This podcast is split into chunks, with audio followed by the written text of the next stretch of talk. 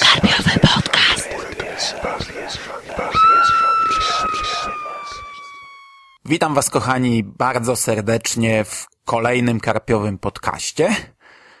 Mówi do Was Hubert Spandowski, czyli Mando z Radia SK, a wysłuchacie kolejnej recenzji wchodzącej w skład mojego maratonu z Jackiem Richerem, jaki zaplanowałem sobie na 2016 rok.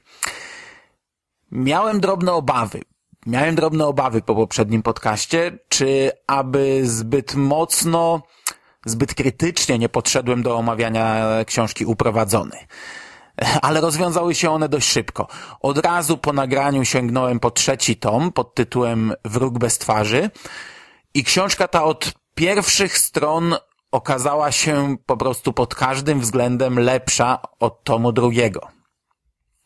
W trakcie lektury miałem kilka zastrzeżeń i, i to w sumie zabawna sytuacja, bo siadając do tego nagrania, do nagrania tego podcastu, miałem w głowie ułożony cały plan na koniec odcinka.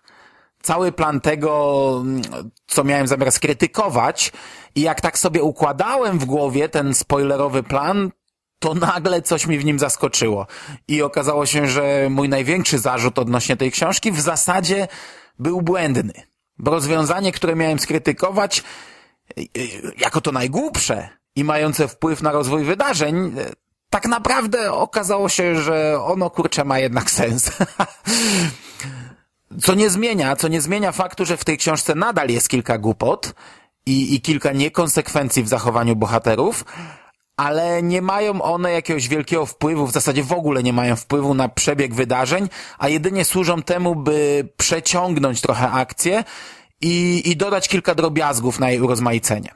A takie coś to, to mogę łyknąć, mogę zaakceptować, bo, bo w prawdziwym życiu ludzie też nie zawsze zachowują się logicznie i konsekwentnie. Także kamień spadł mi z serca, bo Wróg bez twarzy to jest naprawdę bardzo dobra książka. I najpierw przyjrzyjmy się zarysowi fabuły. Śledzimy tutaj w zasadzie trzy równoległe wątki, z których dwa bardzo szybko się ze sobą łączą. E, Mamy wątek rodziny, która stoi na krawędzi bankructwa.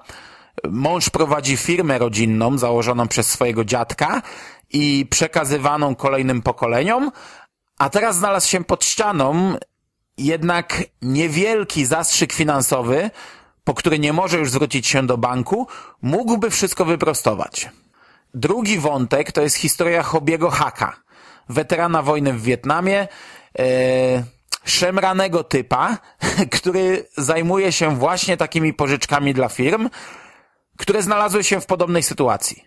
Natomiast trzeci wątek, no to jest Jack Reacher. I, to, i, I ten wątek zdaje się być niepowiązany z tymi wydarzeniami, jednak stopniowo odkrywamy kolejne połączenia. E, Tradycyjnie czytelnik dość szybko zostaje wrzucony w wir wydarzeń. Już na pierwszych stronach Richera poszukuje prywatny detektyw i dwóch oprychów e, i na skutek pewnych wydarzeń, które też następują w pierwszym rozdziale i które e, wydawca w zasadzie w pierwszym zdaniu opisu nam przekazuje, ale ja sobie już daruję spoilery. Jack postanawia natychmiast polecieć do Nowego Jorku, by samemu zbadać tę sprawę i tam wplątuje się w kolejne wydarzenia tej spirali.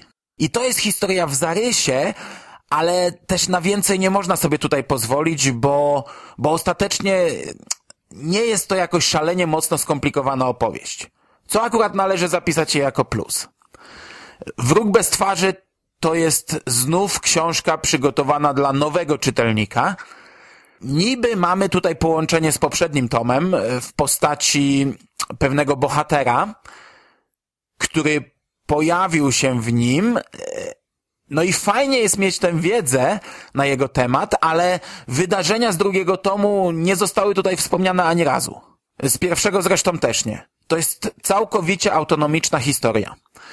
I naprawdę nie trzeba znać e, historii tego bohatera, który tutaj mm, odgrywa dość ważną rolę e, historii z drugiego tomu, bo podobną sytuację mamy w pierwszym tomie. W pierwszym tomie pojawia się bardzo ważny trup, którego czytelnik nie zna, a pozna ponoć w późniejszych tomach, których akcja będzie rozgrywać się chronologicznie wcześniej. Można więc wchodzić w tę serię od dowolnego jej momentu, no Przynajmniej na tym etapie, na którym obecnie jestem. Lee fajnie wybrnął z przedstawienia postaci.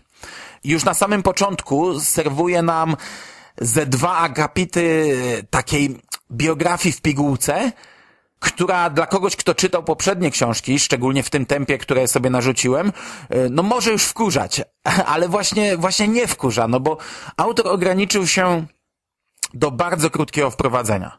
To są naprawdę ze dwa akapity rzeczy, o których my wiemy, no ale on potem przeskakuje do akcji właściwej, a większy obraz, większą historię Jacka Richera dostajemy znów w trakcie lektury porozrzucaną po całej tej opowieści.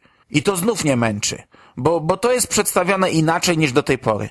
Głównie z punktu widzenia dawnej miłości Jacka i jest to głównie historia Jacka opowiedziana poprzez ich relacje. Tym samym po trzech tomach Child jest nadal górą i ciągle ma pomysł na przedstawienie tej postaci tak, by nie zanudzić starych czytelników i jednocześnie odpowiednio zainteresować tych nowych. Wróg bez twarzy jest napisany ponownie w narracji trzecioosobowej, co trochę krytykowałem ostatnim razem, ale w tym przypadku autor zrobił to po prostu dobrze. Wiele mówi już samo to, że mm, to są książki o bardzo podobnej objętości i podczas gdy trzeci tom jest podzielony na 18 rozdziałów, to drugi miał ich 46. Same rozdziały również podzielone są na takie podrozdziałiki, w których naprzemiennie śledzimy historię na różnych torach e, i te tym razem też są dużo dłuższe. To jest to, o czym mówiłem ostatnio. W uprowadzonym Child chciał zrobić historię na zasadzie późniejszego serialu 24 godziny, która startuje ostro i galopuje, galopuje do końca. Dlatego również w taki sposób jest ona napisana właśnie. Szybkie, naprzemienne akapity, szybkie, krótkie rozdziałiki, dużo akcji e, ukazanej naprzemiennie. Child dostosował narrację do historii i, i to wyszło wtedy umiarkowanie dobrze. W trzecim tomie historia jest znacznie wolniejsza.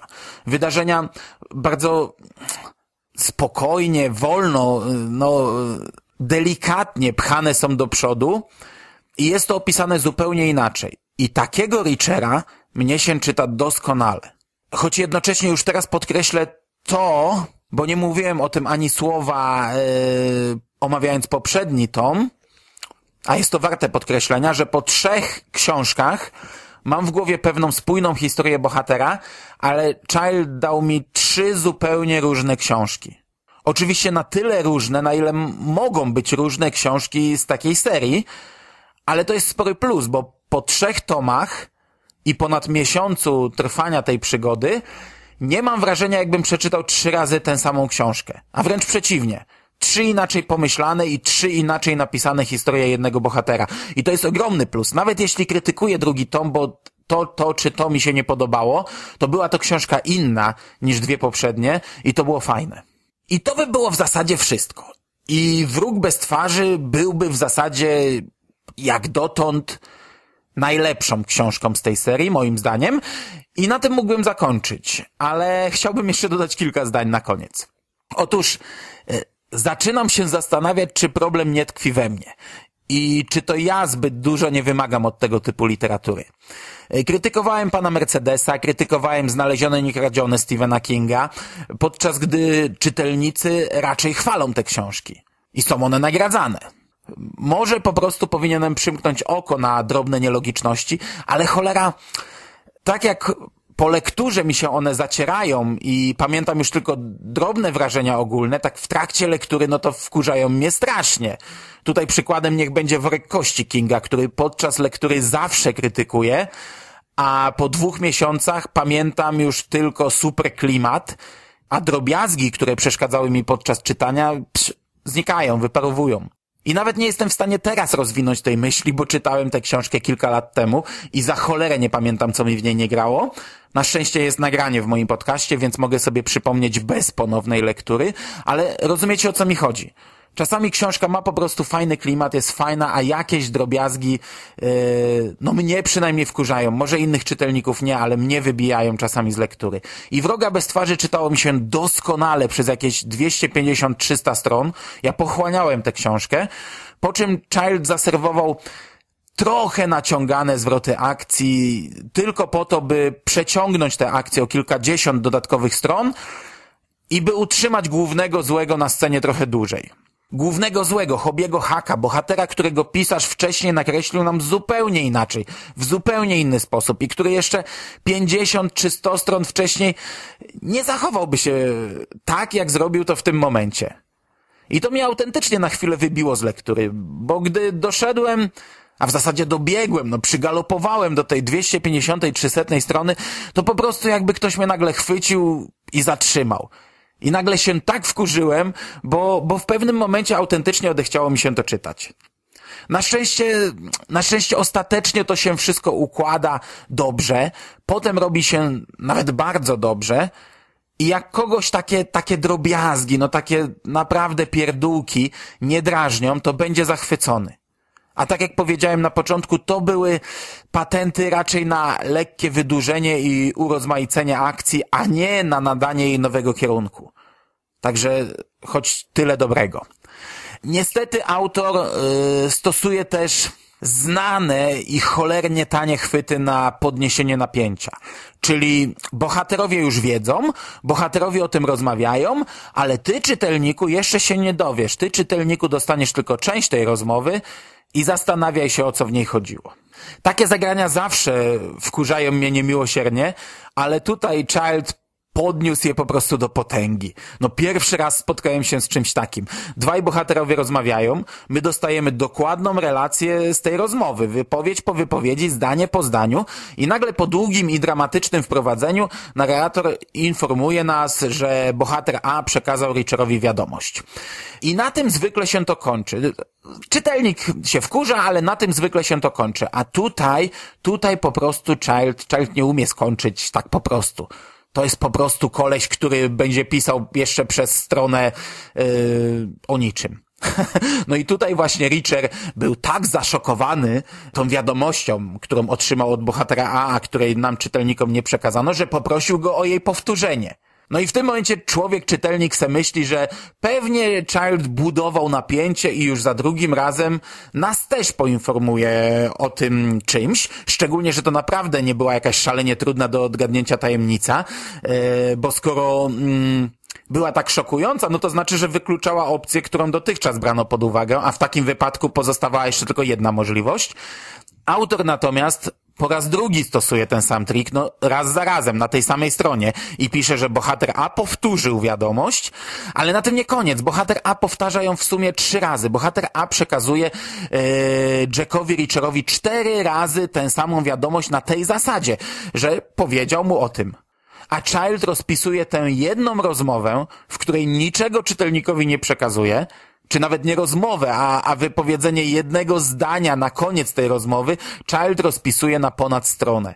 Są to jednak tylko drobiazgi. Są to jednak tylko drobiazgi, o których chciałem wspomnieć na koniec, a całą książkę oceniam naprawdę szalenie pozytywnie.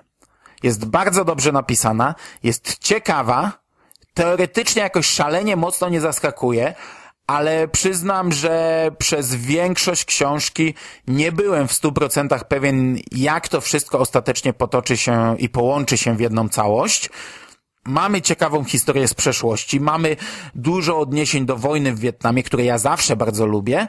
E, krótko, polecam. Polecam, a ja już czekam na podejrzanego, na czwarty tom, który już niebawem wpadnie w moje ręce. Na dzisiaj to wszystko ode mnie. Do usłyszenia niebawem. Trzymajcie się ciepło, kochani. Cześć!